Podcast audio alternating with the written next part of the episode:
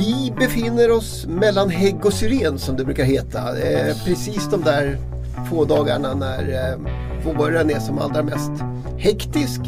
Och det är hektiskt här också. Eh, vi ska nämligen göra lönedags i månadsskiftet eh, maj-juni. Lite försenat men inte så mycket. Eh, det blir ett försök att sammanfatta en avtalsrörelse som fortfarande inte riktigt, riktigt är färdig men som, som ju har, vi har väldigt mycket att prata om ändå. Som vanligt Susanna Lundell, chefredaktör, kommunalarbetaren. Jajamän. Tack så hemskt mycket för att du är här och Tom Öberg, eh, arbetsmarknadsreporter som har skrivit om egentligen allt viktigt som har hänt på svensk arbetsmarknad eh, de senaste 25, 30 Välj. ja, åren. Varmt välkommen. Tackar. Själv heter jag Ingvar Persson och arbetar som skribent på Aftonbladet och eh, som ju skriver en del om arbetsmarknaden också.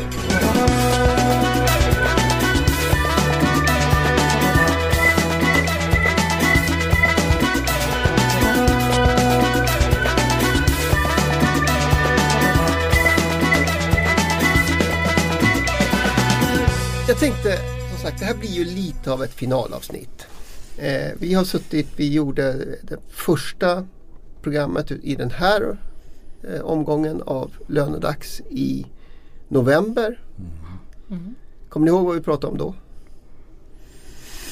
Ah, ja, Nej, det kommer jag inte ihåg. Men jag gissar att vi pratade om vilka krav som eh, man hade enats om. Både på industrisidan och på LO-sidan. Sen kanske du hade hittat på något mer som vi ägnade Det oss åt. kan hända. En sak vi faktiskt berömde oss väldigt starkt eh, för i den podden. Det var att vi året innan hade förutspått ett kort avtal. Just det. Eh, sen förutspådde vi hur det skulle gå i år. Vad tror ni vi sa? Jag tror att vi sa två år. Vi sa vi, sa faktiskt, vi sa faktiskt att det nog var risk för ett kort avtal igen. Hade vi fel? Eh, varför hade vi fel?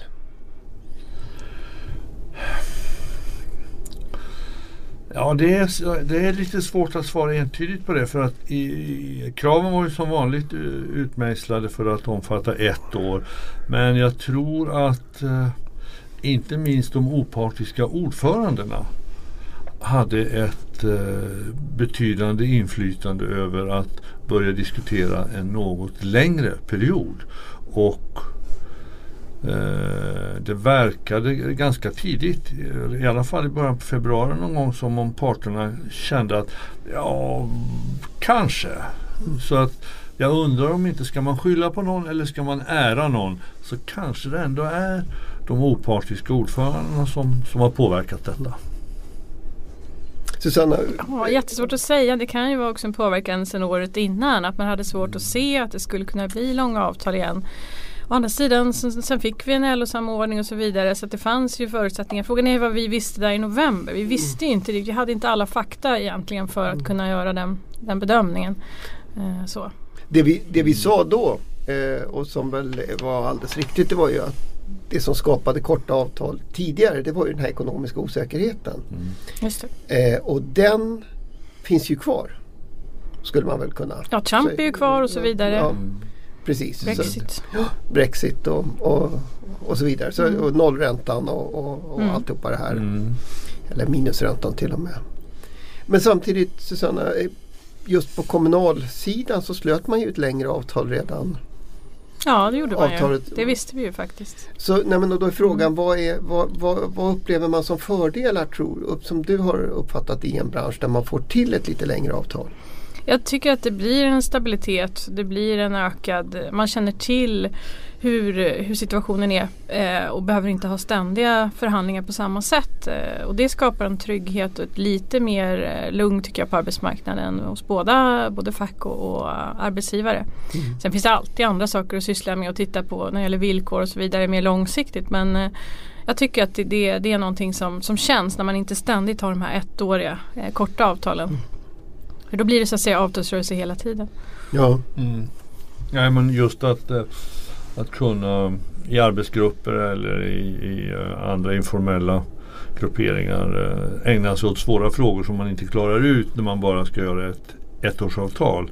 Det kanske är också en, en, som Susanne är inne på, en viktig del när man blir mera benägen att kanske teckna ett längre avtal. Att det finns frågor som vi då kan försöka lösa ut under två eller två och ett halvt år innan det drar igång igen. Mm. Och det har ju varit mm. eh, så att säga en utav eller en av de saker som har varit väldigt framgångsrik på svensk arbetsmarknad. Ja. Att, man, att man har kunnat erbjuda stabilitet mm. och arbetsfred under, under lite längre tid. Mm. Absolut. Eh, för, för, jag ska faktiskt, jag satt och lyssnade på det här alldeles innan programmet. Så, så vi, vi var lite sådär oroliga över att man istället skulle gå in i en regim där, där korta avtal blev det normala. Mm. Alltså ständiga förhandlingar om, om man etablerade det som en, en regim just därför att det faktiskt skulle mm. eh, försvaga en del utav samförståndet antagligen. Trodde vi då. Mm.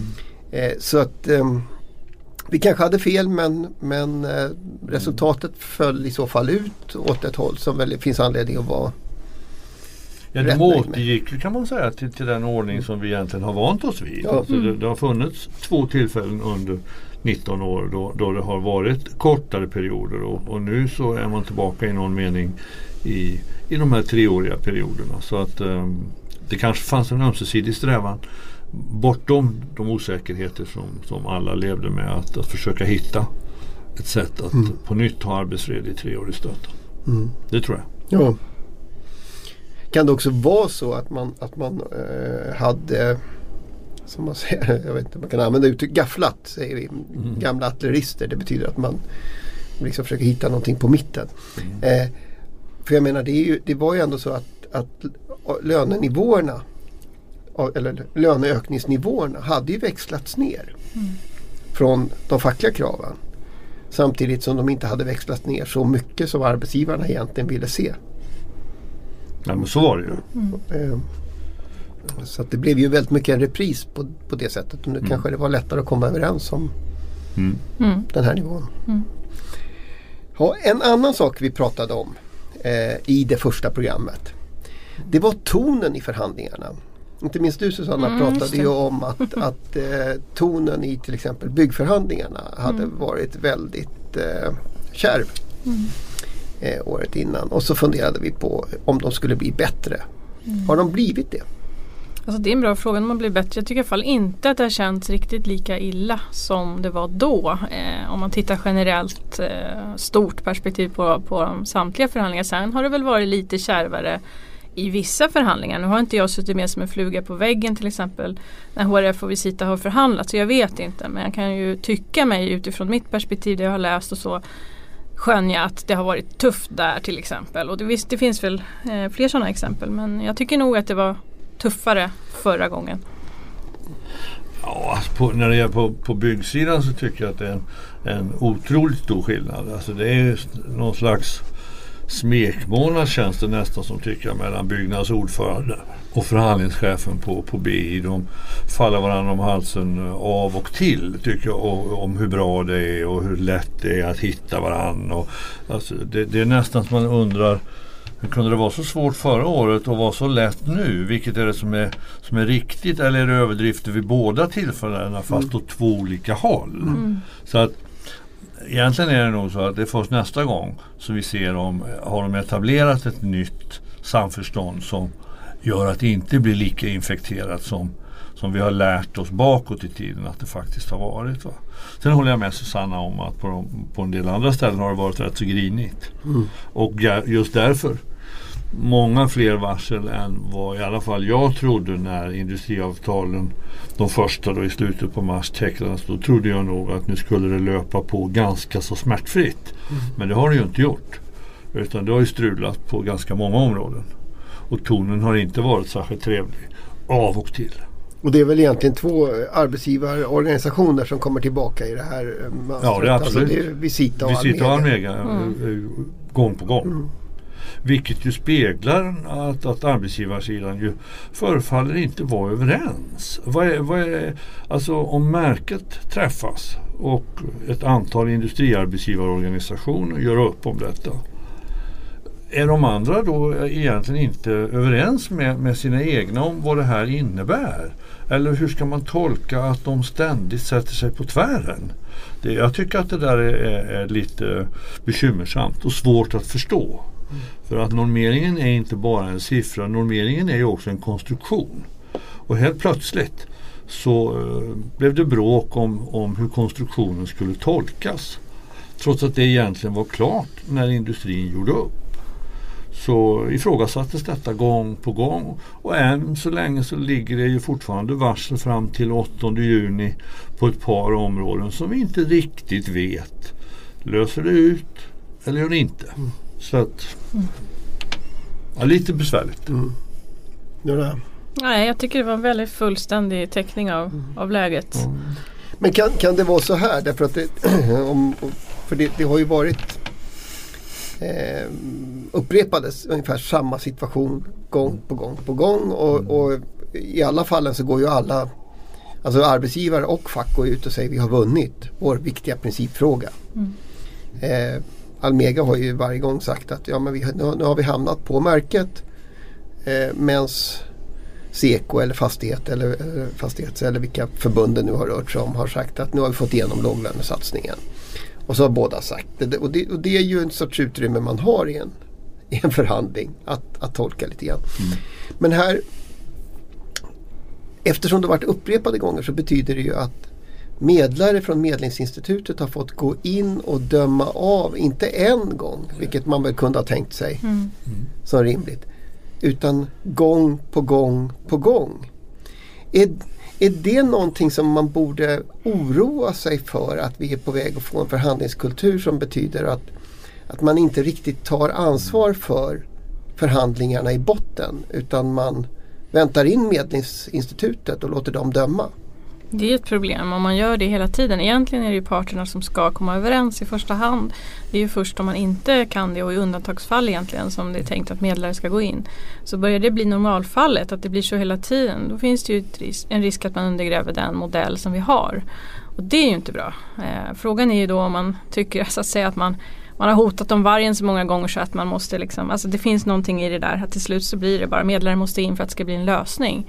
Men då, då, då har man ju liksom fått till en förändring som det är frågan om man verkligen vill ha. Jag är inte så säker på det. Mm.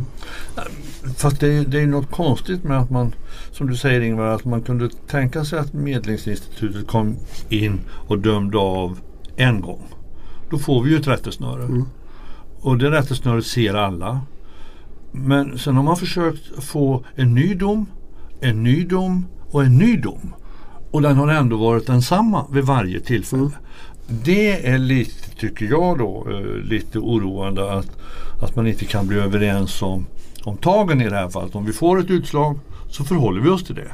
Nej, de har, det har ju lett till varsel gång på gång på gång och därmed medling och en ny upprepning av ett tidigare beslut ifrån mm. MIs sida. Och, och det, jag förstår inte riktigt det. Att man vill höra samma sak gång på gång på gång. Men handlar det inte om, i så fall, alltså är inte den rimliga tolkningen att man inte gärna vill ta ansvaret själv? Man behöver någon att gömma sig bakom. Ja. Mm. ja. Det tycker jag är en rimlig utgångspunkt att säga. Men då tycker jag igen, det där borde arbetsgivarsidan framförallt ha varit klara över och överens om när de gick in i den här förhandlingen att när vi får normen fastställd på industriområdet så gäller den. Alltså. Det är, så, då behöver vi inte pröva det med hjälp av Medlingsinstitutet gång på gång. Nej. Det är en, en konstig ordning. Mm. Men det här är väl ett tecken på att man inte var så överens? Ja, det, på ytan såg det ut som om mm. man var men i verkligheten så visade det sig att det fanns betydande oenighet. Mm.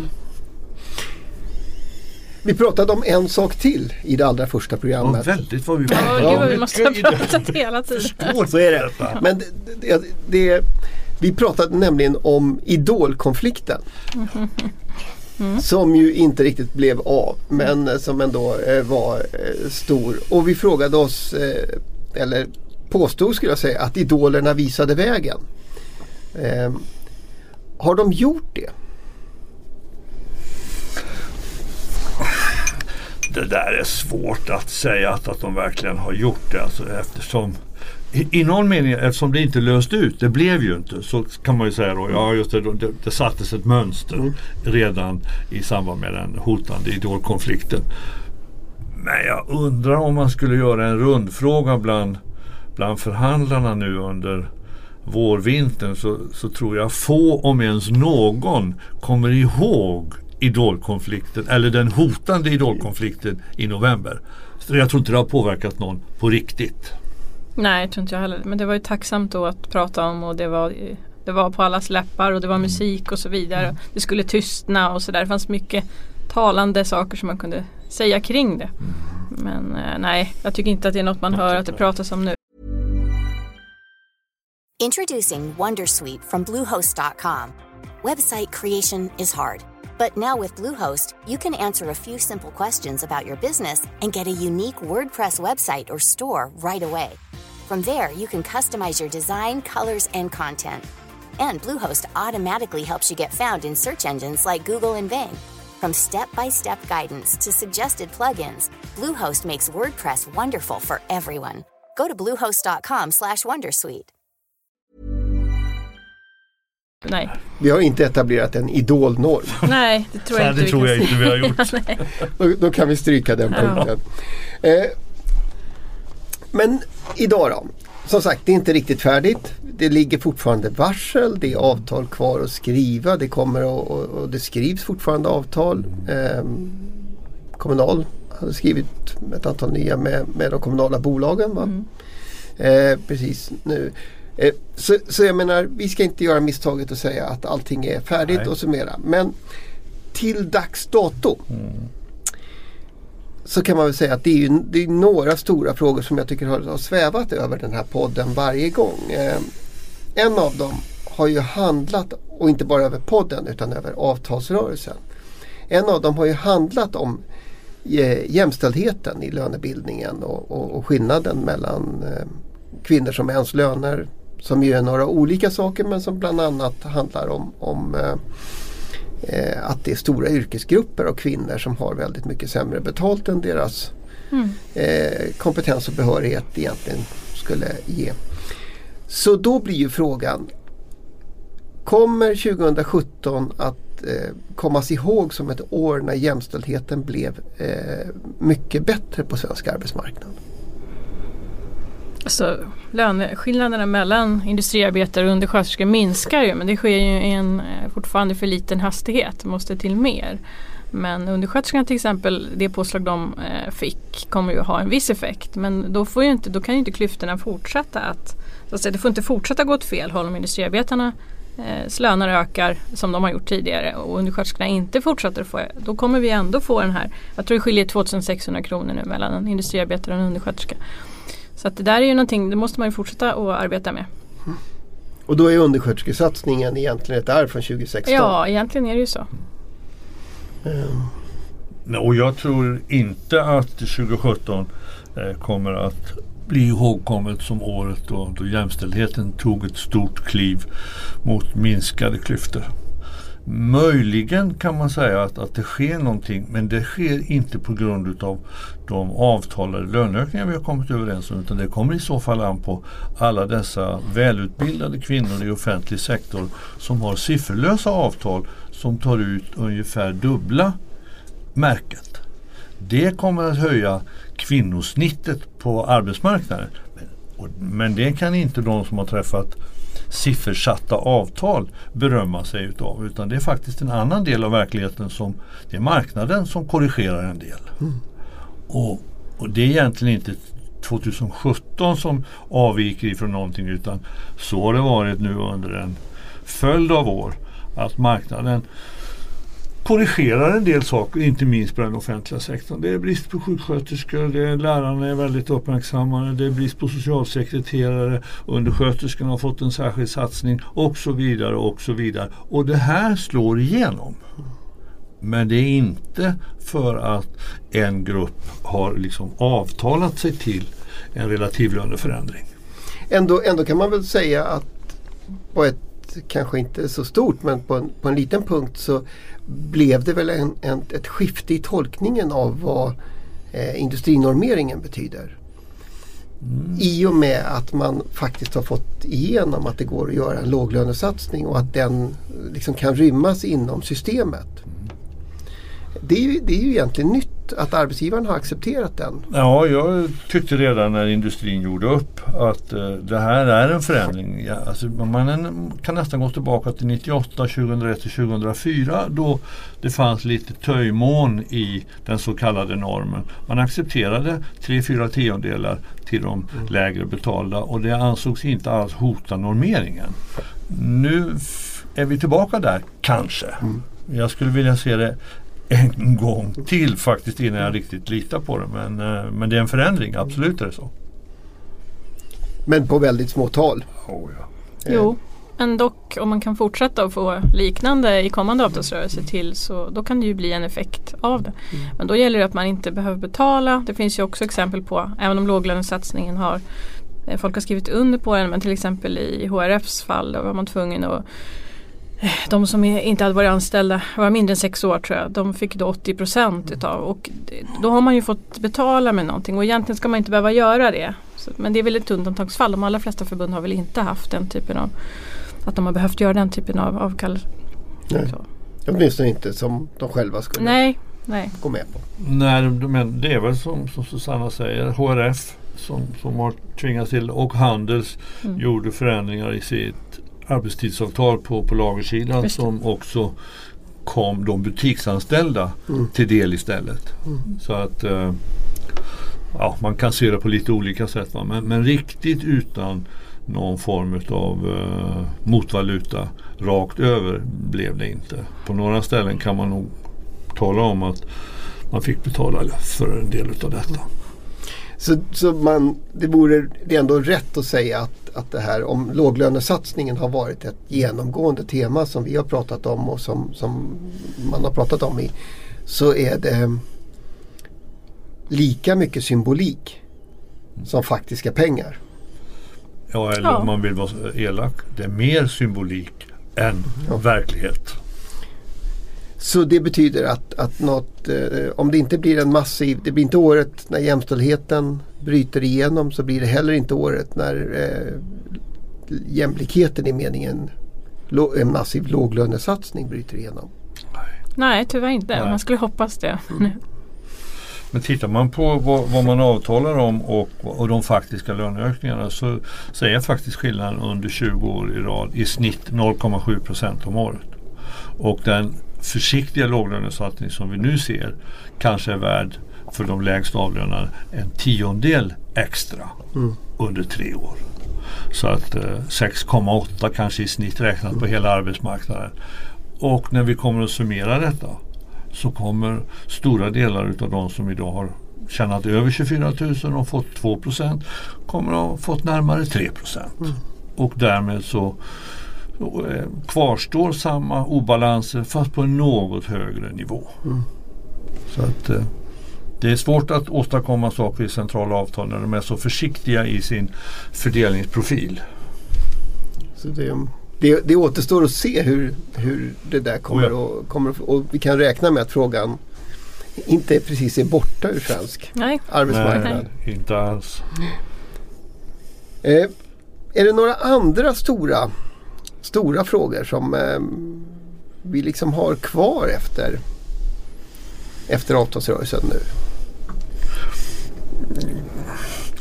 Ja, alltså jag, jag, tror ju fortfarande att eh, det som någon gång under, under vintern kom att kallas när samtliga fackförbundstidningar gjorde en, en eh, satsning på det här med arbetstid. Jag tror att arbetstidsfrågan alltså på lite olika sätt kan komma att hamna på högkant under de här åren som återstår fram till nästa stora avtalsrörelse. För att när man har fått ner löneökningstakten till låt säga avtalade löneökningar kring 2% så finns det inte så mycket kvar att pressa ut ur det där systemet ens för den mest hänsynslösa arbetsgivaren. Det går mm. inte att komma så mycket lägre. Och då måste man nog tänka sig att då kanske diskussionen eller striden kommer att handla om någonting annat. Och utifrån deras utgångspunkt så tror jag att arbetstiden, alltså det är ju bara liksom ett, ett annat namn på pengar mm. egentligen. Och då pratar vi om arbetstidens förläggning. Ja. Det var, jag menar, en sån där bra symbol blev ju frågan om Precis. vad man skulle få. och Kan man jobba på lördagar Ja, när man får ta semester. Ja. Kan man ta semester när ens barn är lediga Precis. eller måste det vara på en annan del av året Mm. så att man splittrar familjer på det sättet. Mm. Ja. Sådana Så, frågor. att- nej men det är ju rätt semesterfrågor och ledighetsfrågor och liksom vad är övertid och vad är normal arbetstid? Det är ju liksom, jag tror att mm, vi kommer få höra mycket om det. Och det är i första hand där, där en fråga där arbetsgivarna kommer att vara på offensiven. det. Jag tror det. Och sen på den andra sidan så hoppas jag, men det är mer en förhoppning, jag har inte så mycket att stödja det på. Det är att man skulle börja diskutera alltså allmänna villkor på den fackliga sidan och se olikheterna i till exempel avsättningar till avtalspensioner som kan skilja alltså, närmast svindlande mycket pengar Eh, som mellan den som har den lägsta avsättningen och den som får den högsta avsättningen. Och de olikheterna diskuteras nästan aldrig medan den här extra tiondelen i löneökning kan nästan leda till hur hårda motsättningar som helst. Vilket jag tycker är lite konstigt. Det borde bli en, en kraftsamling kring att också utjämna villkor. Men det har jag tyckt länge och det har inte hänt så mycket så jag kan säkert ha fel igen. Och om du väldigt generellt skulle säga hur, vilka är det som, skulle, som förlorar idag på de allmänna villkoren och tvärtom? Ja, så Kommunals medlemmar är ju de som kanske har de lägsta avsättningarna. En del utav HRFs medlemmar, eller HRFs medlemmar, Handels medlemmar. Att de som har låga löner för de har inte haft råd att göra avsättningar till ett avtalspensionssystem utan de har sagt att vi måste få ut varenda krona som finns i direkt löneökning. Vi har inte råd. Och det där måste man hitta en lösning på. Mm. Å andra sidan Susanna, om, om man eh, bara för att ta det här arbetstiden eh, bland annat inom eh, offentlig sektor eller kommunals områden så, har, så pratas det ju också om krav på arbetstidsförkortning för att Man ska orka ett helt yrkesliv och så och vidare. sånt där. Mm. eh, är det också frågor som det kan absolut vara sånt som kommer komma upp igen för att eh, den här rätten till heltid som man ju driver den är ju viktig från kommunal sida till exempel. Men sen är det ju då hur ska man orka jobba heltid och det är ju väldigt många av våra läsare, kommunalarbetarens läsare som hör av sig skulle jag säga varje vecka och säger ja, herregud hur ska jag orka liksom? Jag, har, jag, jag är 40 år, har jätteont i kroppen och tar värktabletter varje dag för att orka med jobbet. Och då är ju frågan om har de tillräckligt många kollegor och de har tillräckligt bra arbetsmiljö för att orka med? Jag menar det är tunga lyft inom hemtjänsten och, och så som dagligen. Så att visst, den frågan tror jag inte man kommer att släppa. Den kommer vi också höra mer om. Så väldigt mycket av det vi gick in i i den här säsongen utav Lönedags med eh, kommer att följa med ut också. Även om det nu finns avtal. Det, det kan man säga. Det, Men eh, en fråga, jag ska ta den också bara som en avslutning. En fråga som, vi, som jag har svävat över det här också. Det är ju fungerar systemet? Fungerar idén om industrinormen? Eh, eller är vi på väg in i något annat? Eh, törs vi svara på den frågan efter det här? Ja, alltså, jag tycker man kan svara mm, ungefär lika säkert eller osäkert nu som för två eller tre avtalsrörelser tillbaka. Alltså det har ju alltid funnits ett slags eh, mummel eller lågmäld kritik. Men systemet eh, alltså, har ju en beundransvärd förmåga att ändå anpassa sig och vrida sig något för att svara mot, mot de krav som finns och leva vidare. Och så länge inte i det här fallet industrins anställda gör uppror och säger att vi accepterar inte att vara riktkarl för de andra springer för fort, tar ut för mycket. Ja, då kommer det att fortsätta. Jag tycker det är en jättesvår fråga men jag, Mm. jag tycker du håller med dig, Mm. säger vi. Ja. Men man kan väl också säga att lite mer flexibilitet finns det. Vi pratade om det förut när låglönesatsningen och, Mm. och, och som sagt eh, avtalsrörelsen innan undersköterskesatsningen.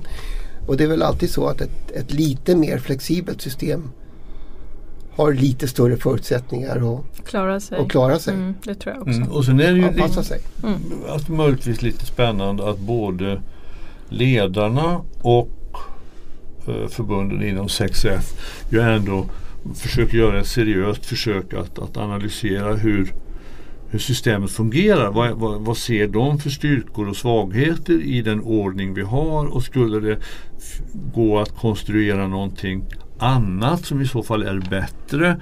Eh, och, och det där är ju spännande frågor som kanske om ett år eller så får vi någon form av eh, svar på hur de ser på det. Men, och det är första gången på 20 år. Tidigare har det ju mest muttrats. Mm. Nu försöker ju någon ändå göra någonting och det är väl verkligen på tiden. Mm. Men nu finns det också tid. Exakt. Eftersom, eftersom det är en treårig mm. avtalsrörelse. Susanna, mm. Tommy. Eh, det här blir avslutningen på lönedags. Eh, för överskådlig framtid i den här formen mm. får man säga. För till hösten lär vi inte ha anledning att eh, samlas för att fortsätta att prata avtalsrörelse. No. Eh, det är ju en tråkig eh, bi bieffekt av, av att man har slutit långa avtal. Mm. Eh, men vi får, väl, vi får väl offra oss på den punkten. Jag vet inte idag eh, vilken framtid eh, det här eh, poddprojektet eller eh, arbete från Aftonbladets ledarsida med arbetsmarknaden eh, kommer att ta. Eh, men jag hoppas att vi ska hitta en form. Och då hoppas jag träffa både er, Susanna och Tommy och er som lyssnar igen. Så för den här säsongen och eh, för lönedags i den här formen. Eh, tack så mycket. Ja, tack, tack själv. så mycket, det var det var jätteroligt. Mm.